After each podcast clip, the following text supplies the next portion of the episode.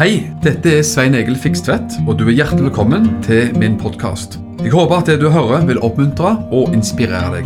Ønsker du mer informasjon om arbeidet i drivet, så kan du gå til mission-alliance.org. Gud velsigne deg.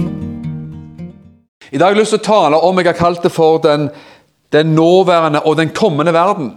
Jeg har lyst til å snakke litt om dette med evigheten og sånt. Jeg har prekt om det før. Eh, jeg, hadde begravelse i dag, og jeg vet i hvert fall du var der. Og kanskje flere. Det, det er noe spesielt med å, å være i begravelse. Jeg liker å ha begravelser. Høres kanskje rart ut, men det er interessant. Møte og preker jo Sjelden preker man for så mange ufrelste. Og man får lov til å minnes ofte mange et liv, da, et levd liv. Og man, så ser man jo det at uh, man minnes da et liv som gjerne har gått opp og ned, i medgang og motgang. Og man minnes veldig ofte at Gud har vært trofast. Priser Gud. Nå minnes vi henne som hadde begravelse for i dag, da, et liv som ei som ble døpt bare for noen måneder siden. Uh, og, og, som, har, um, som har hatt en fin, sterk og fin tro på Gud. Og virkelig opplevd Guds nåde gjennom livet. Halleluja. Så det er fantastisk. Så vi skal lese litt forskjellig. Nå er vi jo frelste folk her som kan Bibelen og tåler mange skriftsteder. og sånt. Og jeg har lyst til egentlig bare øse ut og, og reflektere liksom litt over hva Bibelen faktisk sier. Du vet at Vi kan høre mange endetidssyn. Er du enig i det? At det finnes forskjellige sånn oppsett og skjemaer ute og går. Og eh, Personlig så skal, skal jeg fortelle hvor skal, skal, Jeg skal åpenbare min svakhet, om jeg kan si det sånn. For jeg føler av og til at Svein Egils endetidssyn er som en boks med puslebiter som du kan riste rundt, og så har du liksom 1000 biter oppi her. Så vet vi at det som er her, det er Guds sannhet og Guds bilde. Uten tvil. Men av og til kan det være krevende å sette det sammen rett. Det liksom, skal det være sånn, skal det være sånn, øh, øh, Hvordan blir bildet til slutt? Ja, vi vet jo noe om hvordan bildet blir, til slutt. Men jeg, jeg, skal ikke være så veldig påståelig på alle ting, men jeg vet noen ting. At øh, Jesus kommer. Halleluja. Han kommer snart også. Og uh, Det er noen ting vi kan vite om. og Det jeg gjorde for noen år siden, det var det jeg skulle si. Det er at Når jeg alt jeg fant i Bibelen om Jesu gjenkomst, om Herrens dag, om Kristi dag og dagen og, og liksom alt sånne ting, så, så det en ring rundt det i Bibelen. Jeg, jeg fargelegger og bruker, bruker liksom mye tusj og penn og farger i Bibelen. og sånt. For å se hvor mye som står om det som har med Jesu gjenkomst å gjøre. Vårt salige håp vår, vår her, herligheten som venter. Og Det har blitt sunget om her allerede på en nydelig måte. Og tenker det at det er to ting som virkelig på en måte er vår sterke ankerfest i livet. Det er jo for det første Golgata. Korset, Golgata-verket, frelsesverket er forankringen og det solide ankerfestet som holder gjennom alt. Og der er jo det grunnlaget for å frelse. At han har kjøpt og betalt med sitt blod vår frelse. Men en annen side av saken det er at det, det er noe mer, om du vil. Og det er at det, det, som kommer, det er også noe som holder vårt mot oppe. Det er at Man vet at det er en herlighet i vente. Det er noe mektig i vente. Der, der, hva, hva, jeg har hørt på jeg, jeg, prøvde å finne den boka der. Det er mange Åge Samuelsen-sanger i denne her boka. Silje Rein.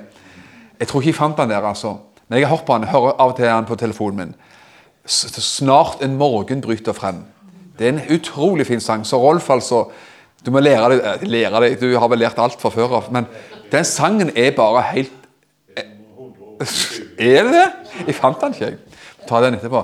Men jeg hører av og til, for den er bare så aldeles fantastisk. For den beskriver vårt, det, det evige håpet. Og faktum er det at når man hører da, Jeg har en del sånne eh, Man lager jo sin egen spilleliste på telefonen. og Da har jeg en egen sånn Åge Samuelsen spilleliste blant annet, og mange andre spillelister av, av gode, den gode sorten. Men, men, men egen Åge Samuelsen spilleliste, som, som man, så ser man hvordan hans sanger i stor, veldig stor grad var bygd på en kolossal tillit til Gud. Denne enkle, barnslige tilliten til Gud. Og selvfølgelig det vi snakker om, dette evighetshåpet. Han hadde gjort mange mange sanger som, som handla nettopp om evigheten, himmelen og det som kommer. Og Jeg tror det er så viktig at vi holder det oppe. Jeg tror jo det. Jeg ble også grepen, jeg jobbet jo noen år i Sarnsdal for noen år siden. og Arild Edvardsen var akkurat i det i hvert fall den perioden der var han veldig opptatt av nettopp dette, så hadde med himmelen å gjøre, og evigheten, og, og prekte mye om det. Da jo, hadde han hatt vel bare kort, ganske kort tid før det hatt et slag og blitt, litt redusert. Og Da får man jo også liksom noe å tenke over, om du vil. og blir, Livet blir kanskje mer alvorlig for alle av oss hvis man har hatt en liten sånn en eh, bulking i livet. Og Det har man sånn sett ikke vondt av å, å få en påminnelse av livets skjørhet. Og Det er noe av det man også gjør når man har, er i en begravelse eller har en begravelse. Så, så påminnes man om livets korthet, faktisk. Om livets skjørhet. Og, men også midt i det Guds trofasthet og håpet om herlighet. Nå har jeg snakket mye her uten å lese et ord, så nå må vi lese et bibelvers for å oppfylle all rettferdighet. vi skal lese masse, tror jeg. Titus 2, vers 13-14. Det er fantastisk. Titus 2 Jeg leste, jeg sa litt feil. Titus 2, vers 11-13 er det. Titus 2, vers 11-13. For Guds frelsende nåde til alle mennesker er åpenbart. Han er blitt åpenbar for alle. Til alle. Og denne nåden oppdrar oss, eller opptykter oss, for at vi skal fornekte ugudelighet og verdslige lyster. Det er noe som heter ugudelige og verdslige lyster, forresten, også i 2021 å leve edruelig, rettferdig og gudfryktig i den nåværende tidsalder. Eller nåværende tid. Eller nåværende verden. Den nåværende tidsalder. Mens vi venter, mens vi venter på det salige håp. Åpenbaringen av den herlighet som tilhører den store Gud over frelser Jesus Kristus. Her ser vi at disse to tidsaldrene, disse to verdenene, disse to tidsepokene knytter sammen det nåværende og det som kommer. Det nåværende og det som kommer. Og vi trenger egentlig å bli flinke, om du vil, til å forholde oss til begge deler. For vi lever, akkurat nå så lever vi i det nåværende. Halleluja. Så vi, vi, er nødt til å leve, vi er nødt til å være brukbare for Gud i det, i det nåværende tid. vet du. Vi kan ikke bare, sitter ikke bare i hvite klær og vente og, og, vente, og spille på harpa. Det kan vi gjøre i himmelen. Men vi er nødt til å være brukbare for Gud nå. Prise Gud. Vi er nødt til å få ut evangeliet nå. Ta oss av mennesker nå. Forkynne evangeliet nå. Eh, be for eh, land og folk nå. Så vi lever nå og virker nå. Mens vi kjenner på det at motivasjonen og trøsten og styrken i livet også hentes fra den vissheten om at det er noe som venter på oss. Snart en morgen bryter frem. Jesus henter bruden hjem osv. Det er jo en herlig sang. vet du. Det var en gang en nyfrelst mann som sa han ba til Gud. og det, Å høre nyfrelste be, det er jo artig. vet du. Nyfrelste vitner, for de er brennende, de gløder, de er salige. Men ikke alltid liksom, teologien eller lærene henger, er helt sånn snekra sammen. Og Da var det en, faktisk en ung mann som sa det. 'Herre, jeg takker deg for at jeg skulle lov til å leve med deg og være sammen med deg.' Eh, og leve med deg, Jesus, hver eneste dag, sa han. Helt til døden skiller oss ad, sa han. Så da blander han litt. For uh, når, Det er ingen død som skiller oss ad fra Jesus. i hvert fall. Da lever vi som aldri før. Som en sa, når du ser eller hører at jeg er død, så ikke tro det. For da lever jeg som aldri før. Så det er noe med det at man, man, eh, det er ingen død som skiller oss ad fra Jesus. i hvert fall. Det kan skille oss ad fra mennesker og mange ting, men særdeles ikke fra Herrens skyld. Da lever vi som aldri før. Filippebrevet 3, 18-21 har det også dette her, som binder sammen egentlig dette livet og det neste livet. Og Mens vi finner det, så, så, er det jo sånn at det må ikke bli i vår del av verden der vi har det så godt. Og La oss bare liksom, eh, hva skal si, være litt frekke, litt slemme mot oss sjøl og si til meg og til deg at det, det, må ikke være sånn at vi parkerer i himmelen og sier at det er forventa og det, det er ikke noe å tenke på, fordi nå gleder vi oss snart til jul, og juleribber og presanger. Og så kommer jo vinterferien, så skal vi, noen av oss kanskje gå på ski, hvis vi liker det. Oi, nå går jeg rett i veggen her nesten.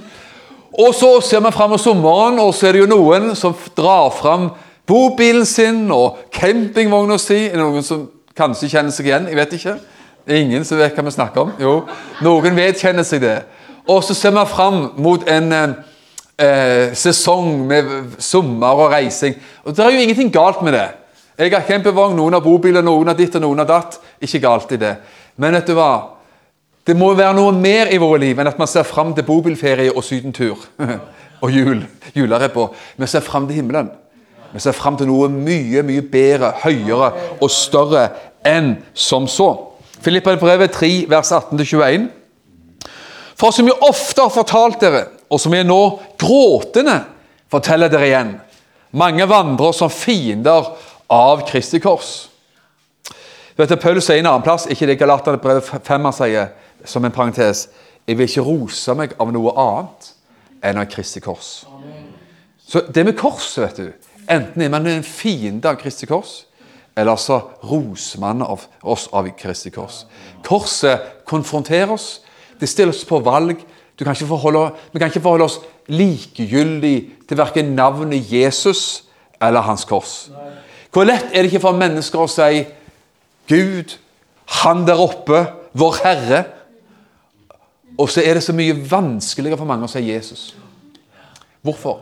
For det er noe med det navnet Jesus som kommer nær, som banker på hjertet, som, som trenger seg på, som konfronterer noe og stille et menneske på valg.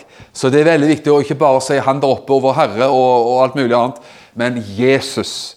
Si tydelig og klart og rope ut navnet Jesus og preke Jesus. Og ikke bare pakke det inn i Vår Herre, om du vil, og sånne ting. Litt sånne pens, pyntelige begreper. Men det er Jesus. Mange vandrer som fiender av Kristi kors. Så enten roser vi oss av Kristi kors, eller så vandrer vi som fiender av Kristi kors. Så får man velge sjøl. Deres mål er fortapelse, og deres Gud er buken. De setter sin ære i sin skam og de tenker bare på de ting som hører jordelivet til. De tenker bare på de ting som hører jordelivet til. Kjære venn, vi lever i jordelivet. Vi lever her. Og vi er, vil være brukbare for Guds rike her. Brukbare for familie, vår familie her. Men det er noe, også noe mer. Og så står det Men vårt borgerskap, står det. La oss si, si det på godt norsk. Vårt statsborgerskap er i himmelen. Eller vårt hjemland er i himmelen. Og derfra venter vi også stadig på Frelseren, Herren Jesus Kristus. Så I vers 19 så sto det om jordelivet. vers 20 så står det at det er vårt hjemland, vårt borgerskap, vårt statsborgerskap, kjære venner, det er i himmelen, sa du. Og Derfor så venter vi på Frelseren vår, Herren Jesus Kristus. Og Som ikke det er nok, så står det noe om hva som kommer til å skje den dagen. Han skal forvandle vårt forgjengelighetslegeme, så det blir likedannet med hans herlighetslegeme. Tenk det, fra forgjengelighetslegeme til herlighetslegeme. Det er herlig å være frelst. Og det skal han gjøre ved den kraft som gjør ham i stand til å underordne alle ting under seg selv. Hvilket håp vi har. 2. Peter 3,13 sier, men etter hans løfte ser vi fram til nye himler og ny jord der rettferdighet bor. Ny himmel og ny jord. Da synge om himmelen, preke om himmelen, tenke på himmelen er kolossalt viktig. Det er, det er så over, over, alle ting vi kan begripe, at det, det, det blåser alt at Det blåser alle veggene i hodet på oss, altså. For det er så begrensa, og det er så kolossalt. Han bor i et lys ingen har sett, og ingen kan komme til sånn uten videre. Men man kommer der den dagen vi dør. Mattes 12, 32 sier Det er masse skriftsteder her. Maler opp for deg i dag. Henta litt ut fra en sammenheng, men du skal få et begrep her. Den som taler et ord mot menneskesønnen, skal, til, skal bli tilgitt, får det tilgitt. Men den som taler imot Den hellige ånd, skal ikke få det tilgitt. Og Nå skal jeg ikke gå inn på hva det betyr og ikke betyr. Men bare få med dette neste verset, eller neste linja. Verken i denne tidsalder eller i den kommende.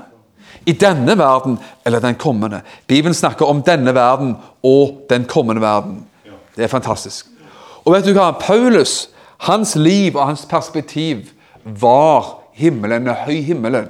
Høy himmelen over livet. Og han jobba og levde som om himmelen fantes.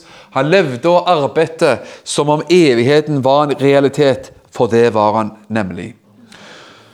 Og Når Paulus avslutter og liksom eh, konkluderer egen, sin egen liv og tjeneste i 2. Timotees brev 2. Timotees brev er jo et rørende brev. Siste brevet vi har av Paulus i Bibelen. Han var i eh, fangehøl i Rom, sitt andre fangenskap. Når han var i sitt første fangenskap, så skrev han jo en god del av brevene. Filippa-brevet, Feser-brevet, en del av brevene.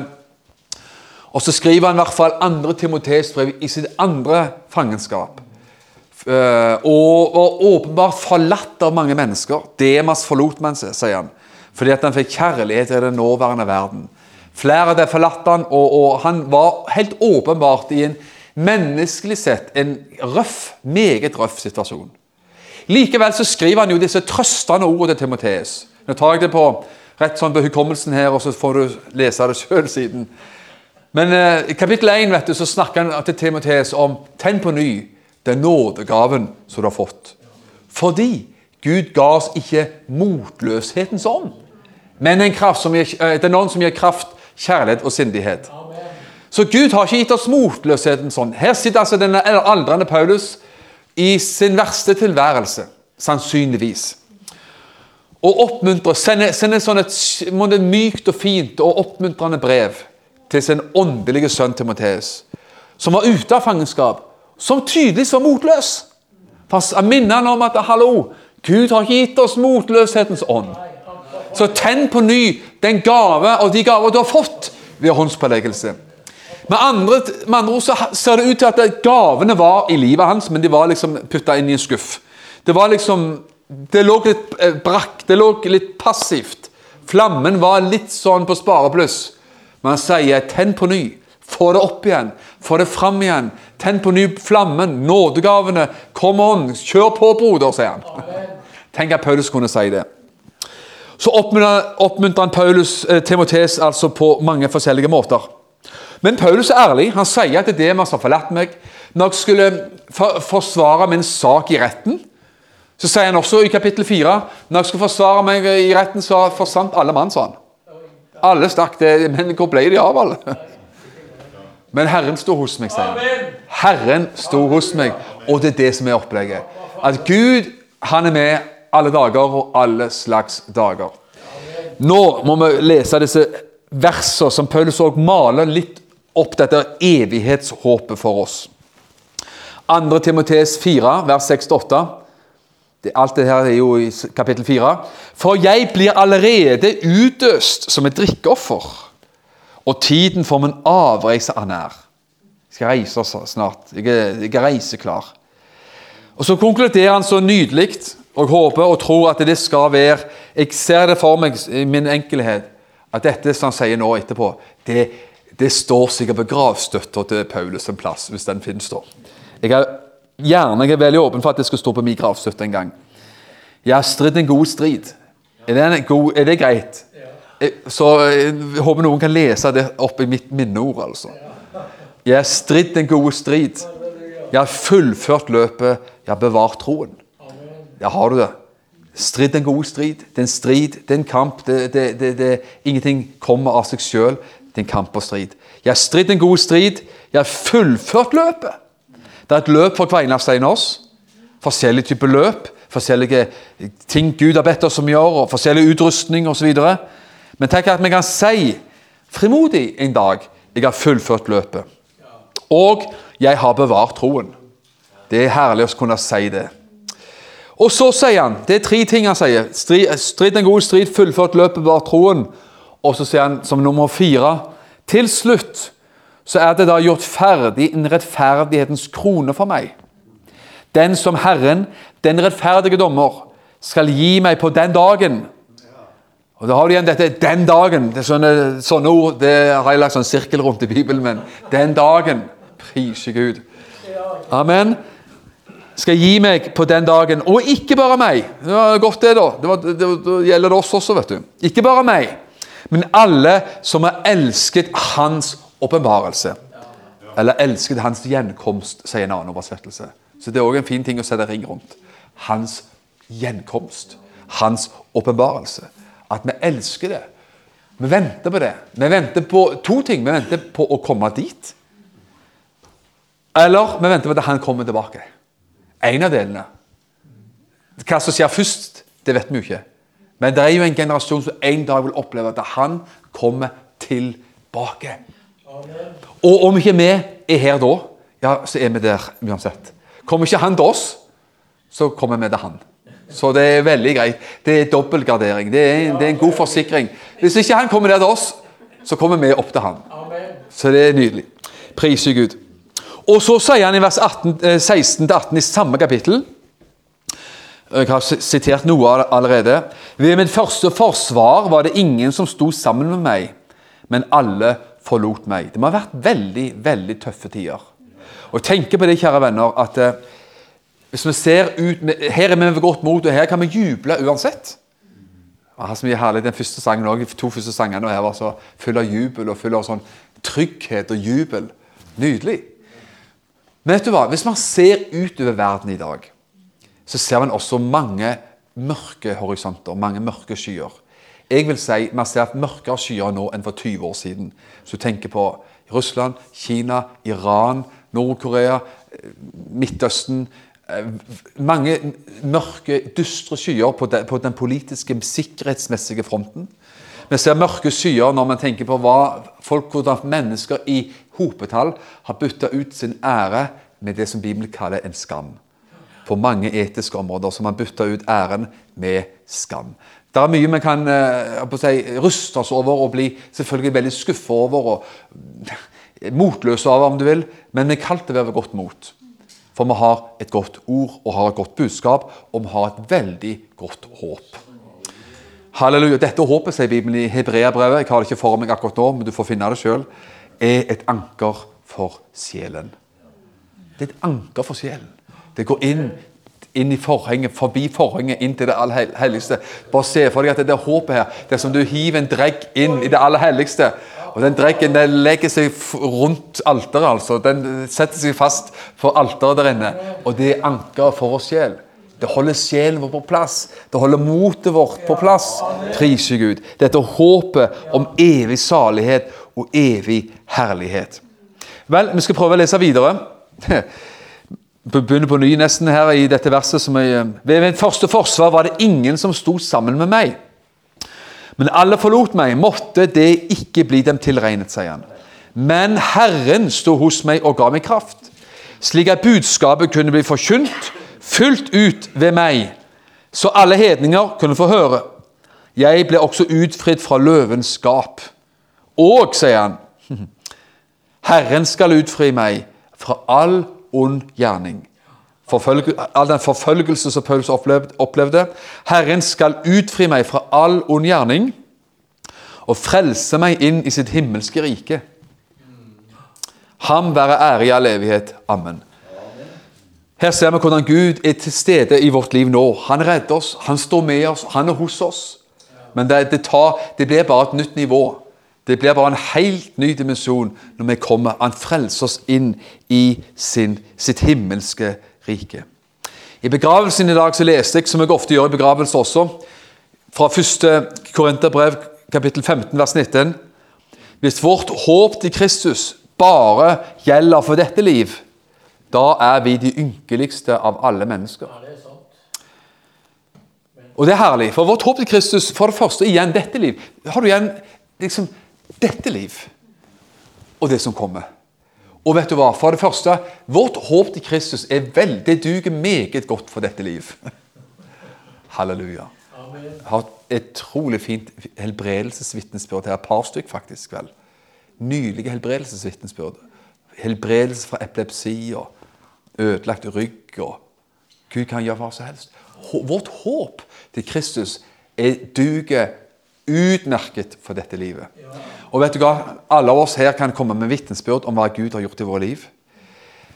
Eh, Mange av oss har også reist. eh, Harald har jo reist i mange land i Øst-Europa osv. Og, og mange av oss har vært rundt omkring og sett hva Gud gjør i andre land, i andre kulturer.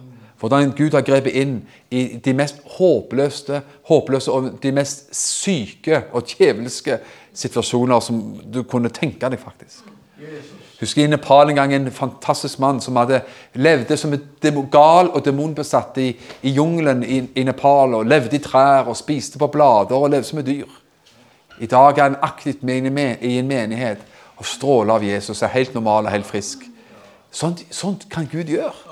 Og sånt ikke bare kan han gjøre, sånt vil han gjøre. Men hvis vårt håp til Kristus bare gjelder for dette liv, er vi de ynkeligste av alle mennesker. Bibelen snakker om dette liv, men tydeligvis også om det neste livet. Og korinterne hadde jo opplevd hvordan Kristus var et godt håp og en mektig kraft for dette livet. I første kor seks bare tar det igjen på, på spontan hukommelse her. Slipper å slå, slå, det opp. Paulus sier jo der i første kor seks han sier at Far ikke vil, sier han, at eh, eh verken horkarer eller kan han sier, alt mulig skal arve Guds rike. Bl.a. menn som ligger med menn og forskjellige. Han, han, kjører opp i kraftige lister der han er, i 1. Korinterbrev kapittel 6. Skal arve Guds rike.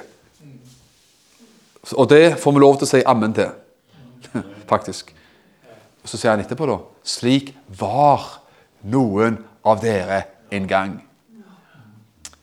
Dere var sånn. Det var før sånn. Dere levde sånn før. Slik var noen av dere en gang, men nå Men nå har dere blitt vasket rene ved, eh, ved, Guds ånd, ved, Guds ånd, og ved Jesu Kristi blod. og sånt, Fritt oversatt, for, eh, gjengitt akkurat nå da, for meg. Men kan du se at korinterne hadde opplevd Guds kraft? Korinterne hadde opplevd Guds forvandlende kraft i livet sitt. Og så ser jeg noen kapitler senere, i kapittel 15. Men folkens, hvis vårt håp til Kristus bare gjaldt for dette livet, så var det ikke godt nok likevel. Det er noe mer. Da var vi blant de ynkeligste av alle mennesker. Og Det forteller meg bare at det håpet til Kristus, det er herlig her. Men du verden hvor utrolig mektig det er for det evige liv og det som kommer. Og Derfor trenger vi å ha det sterkt framfor våre øyne. Snart en morgen bryter frem. Det er fantastisk. Halleluja. Amen. Du ser at Jesus han er et pluss i dette livet. De som ikke har dette håpet, de har, hva har de? Hvis man ikke tror på en evighet Bibelen har til og med noe å si til de. Ja, fortapelse. Men skal du få et annet vers. Igjen, første kor 15. Dette oppstandelseskapittelet i Bibelen. Så sier han Hvis de døde ikke oppstår, så la oss spise og drikke, for i morgen dør vi. Skjønner, Det er perspektivet hvis man ikke tror på et evig liv. Det er folkens, dette livet alt vi har. La oss spise, la oss drikke, og la oss ta alt ut her. For i morgen dør vi likevel. Det er ikke noe mer. Men for oss er det noe mer. Mye, mye mer. Vi har noe mye mye mer enn å tenke at la oss spise og drikke, for i morgen dør vi. Så var det ikke noe mer. For, for et fattig og for et kort perspektiv som det er. Kjære venner, dette, dette, perspektivet her har så mye å si inn i våre liv. Hvordan vi lever våre liv. Dette setter en retning for våre liv. Det setter liksom en kurs. Det er en trøst. Det er et håp. Det gir oss glede. Det gir oss et enormt liksom, noe å holde fast ved. Og det er ikke bare et halmstrå, det er ikke et falskt håp. Det er ikke bare sånn tåpelig drøm. Det er en virkelighet som gir oss kraft og styrke når livet er vanskelig og tøft. Dette evighetsperspektivet det gjør at vi får lyst til å leve, følge Herren og ha en høy etisk standard på våre liv. Vi får lyst til å leve i tråd med Guds ord og Guds rike. Paulus sier jo selv i Apostelens gjerninger 24, 15 det er håp til Gud, som også disse selv venter på. seg. Han snakket jo til Det høye rådet og så videre og sånn, de religiøse. At det skal finne sted en oppstandelse av de døde. Både av de rettferdige og de urettferdige. Da skjønner man jo at de rettferdige oppstår til evig salighet, og de urettferdige oppstår til evig fordømmelse. Slik, eh, Siden det er slik, sier han, legger jeg alltid vind på å ha en uskadd samvittighet overfor Gud og mennesker. Fordi jeg vet at det skal finnes en oppstandelse, så jeg har lyst til å leve med en uskadd samvittighet. Det er et ganske sterkt ord. Går det an å ha en skada samvittighet? En ødelagt samvittighet. Ja, Du ser jo at i hvert fall mennesker har veldig forskjellig samvittighet. Og det er ganske sprøtt. Hvis man ser utover verden hvordan mennesker gjennom historien, som til og med var utdanna lege, som utdannet for å redde menneskeliv I Nazi-Tyskland brukte det til å ødelegge menneskeliv, til å være sadister. Presidenten i Syria er lege. Assad, president Assad er øyenlege spesialist utdannet i London eller i England og er jo en grusom diktator. Hvordan går det an? Det går an. Man har en skada samvittighet. Det å ha dette evighetsperspektivet det gjør at man får lyst til å vinne andre mennesker for Kristus. Amen. Da vi nå kjenner frykten for Herren, søker vi å vinne mennesker, står det. 2. Korinterbrev 5,11. Vi kjenner frykten for Herren, og så sier han i samme, samme sammenhengen vi vet vi skal alle fram for Kristi domstol. Vi skal alle sammen fram for Kristi domstol, sier Bibelen. For at enhver skal få igjen de ting som er gjort ved legemet, enten det han har gjort, enten godt eller ondt. Da vi kjenner frykten for Herren, overtaler vi mennesker. Vi søker å vinne mennesker. Dette evighetsperspektivet gjør noe med oss.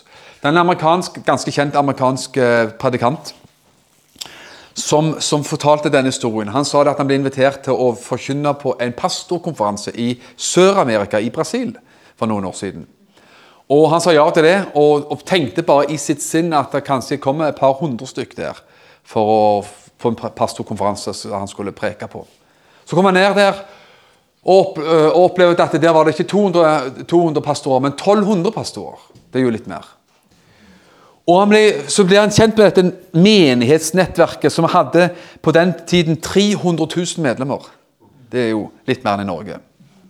Det er litt mer. Og, og de, hadde bare, de hadde bare holdt på i 16 år. så var det altså, Og det er mange mange menighetsnettverk og bevegelser og så i, i de landene der. De hadde holdt på i 16 år bare, og var 300 000 medlemmer. Og så spurte jo han, da, og det gjør man jo Da tenker man man får lyst til å spørre hva er nøkkelen til all den veksten. Hvordan har det vokst og vært som vekkelse og vekst? Og Da kan man tenke er det mye bønn? Det, det var det helt sikkert. Er det at man er flink til å organisere alle ting og få det på stell? er det for at man har et godt program og får de fattige til å gi mat? Kanskje de hadde alt det der og mer til.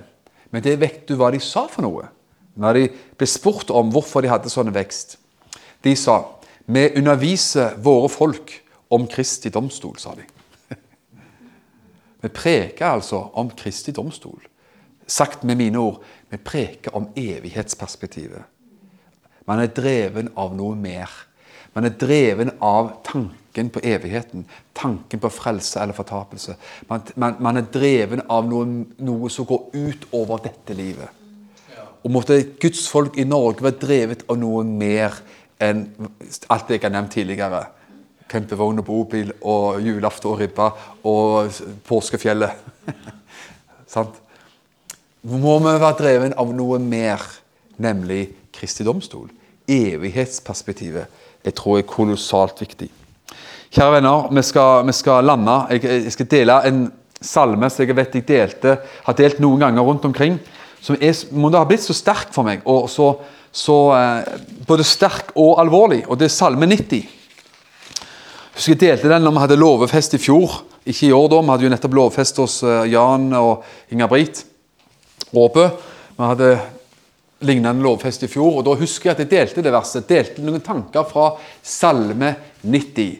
Og Det handler også om dette evighetsperspektivet og hva det gjør med oss. Og Salme 90 er en salme av Moses. Du vet, Mange mange salmer i Bibelen er skrevet av kong David. Vi har en salme av Moses, altså skal du få noen vers her. som er, Vi skal ta lese noen vers, så skal jeg blinke dem ut etterpå. En bønn av Moses, Guds mann. Så sier han, 'Herre, du har vært vår bolig fra slekt til slekt', sier han. Før fjellene ble til, ja, før du hadde dannet jorden og verden. Fra evighet til evighet er du Gud. Han er fra evighet, skjønner du. Han er før fjellene ble til. Du lar mennesket vende tilbake til støv og sier, 'Vend tilbake, dere menneskebarn'. Det viser, forteller noe om livets skjørhet og livets korthet. For tusen år i dine øyne er som gårsdagen når den er forbi, og som en nattevakt. Altså tusen år for Gud er jo ingenting, for han er fra evighet og til evighet. Du skyller den, den bort som en flom. De er som en søvn, og morgenen er de som spirende gress. Om morgenen blomstrer det, altså gresset og alt det der. Om morgenen blomstrer det og spirer fram.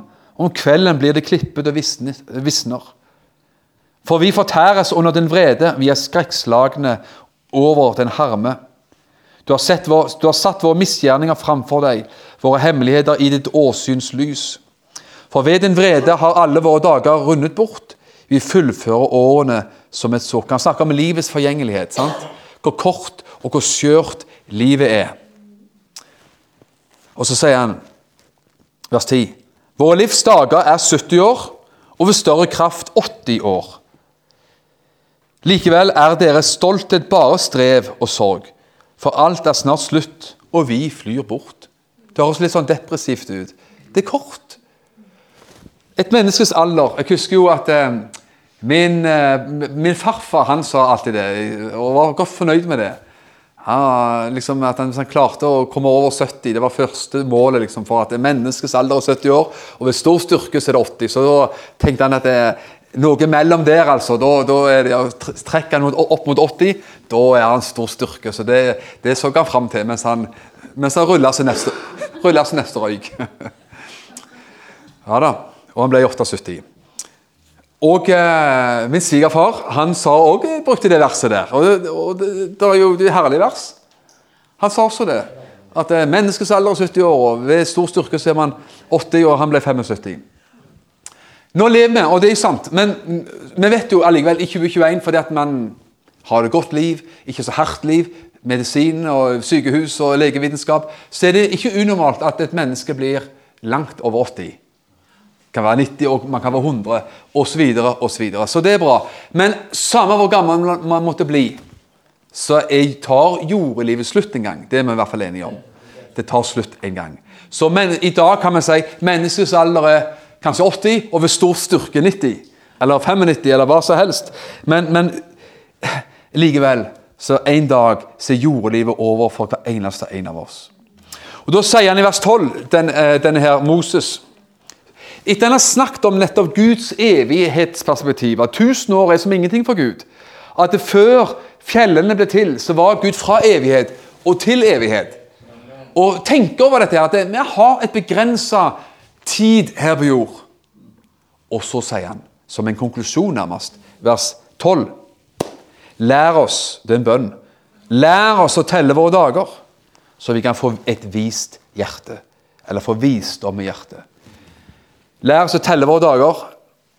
Det er en god bønn, det. At vi lærer å telle dagene våre, så vi kan få et vist hjerte. Av og til liker jeg å lese denne verset baklengs på denne måten. Herre, gi oss et vist hjerte, sånn at vi kan telle våre dager. Gi oss et vist hjerte, Herre, sånn at vi kan telle dagene våre. Eller gi oss å telle våre dager, så vi kan få et vist hjerte. Begge deler, begge veier går godt og, og lære oss noe. Og vet du hva? Ingen av oss vet hvor lang tid vi har. Et liv kan være over fort osv. Men vi trenger ikke frykte for å ha en himmel. Vi har en himmel. Vi renser ved Jesu Kristi blod. Det Golgata-verket som har frelst oss. Vi tror på det, vi har tatt imot det. Jesus er Herren og Frelseren vår, og vi kan være sikre i så måte på vår frelse. Så det jeg ikke har tenkt å gjøre, det er å så tvil om din frelse her i dag. Halleluja, du ser så frelst ut at Men vet du hva?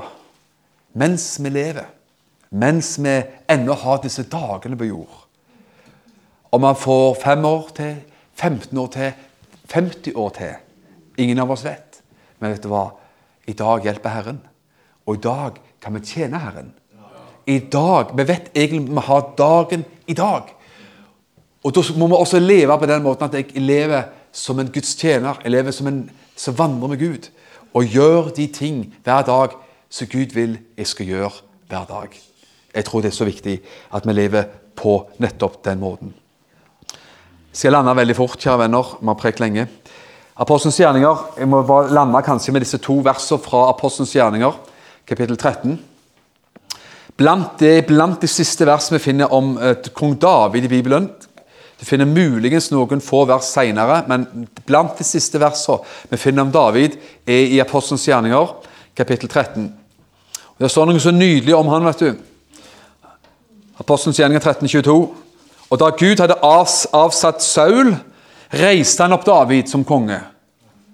Og han ga ham også dette vitnesbyrd og sa:" Jeg har funnet David, sønn av Isai, en mann etter mitt eget hjerte som skal gjøre all min vilje. Jeg tror det står en annen oversettelse som skal gjøre alt det jeg vil. Det er jo det samme, da. Han skal gjøre min vilje. Han skal utføre min vilje. Og du og meg er kalt til å utføre Guds vilje her på jord. Prise Gud. Vers 36 sier så, og det, Kanskje det er nettopp det som også da står på gravstøtta til kong David, for å si det sånn.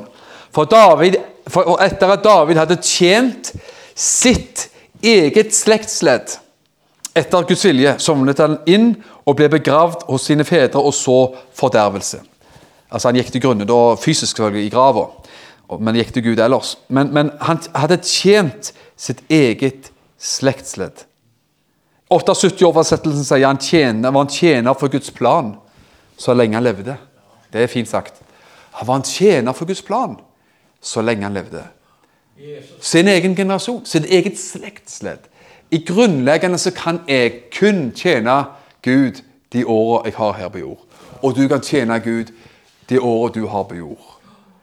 Og med Internett og YouTube så kanskje vi finnes igjen på YouTube etter vi har gått hjem til Gud. altså, Så noen, noen kan høre på oss etterpå også. Så det er jo en mulighet. Men vet du hva? Du skjønner, grunnleggende er det sånn. Jeg kan tjene Gud så lenge jeg har to bein å gå på, og pust, og pust i lungene, og hjertet slår. Og det samme gjelder du og meg. Dette skal ikke stresse oss. Det skal bare kalle oss til en sunn gudsfrykt. Ja, et sunt alvor og sunt gudsfrykt. Med masse glede, masse jubel, masse, masse, optimisme. Så du skal ikke bli deprimert av det jeg sier. Men det kan gå liksom denne her, hellige alvoret også gjennom våre liv, så at vi kjenner på det at uh, vi tjener Gud alle de dager og alle de år Han har gitt oss. Takk for at du har lytta til denne podkasten. Jeg ønsker deg en velsigna god dag.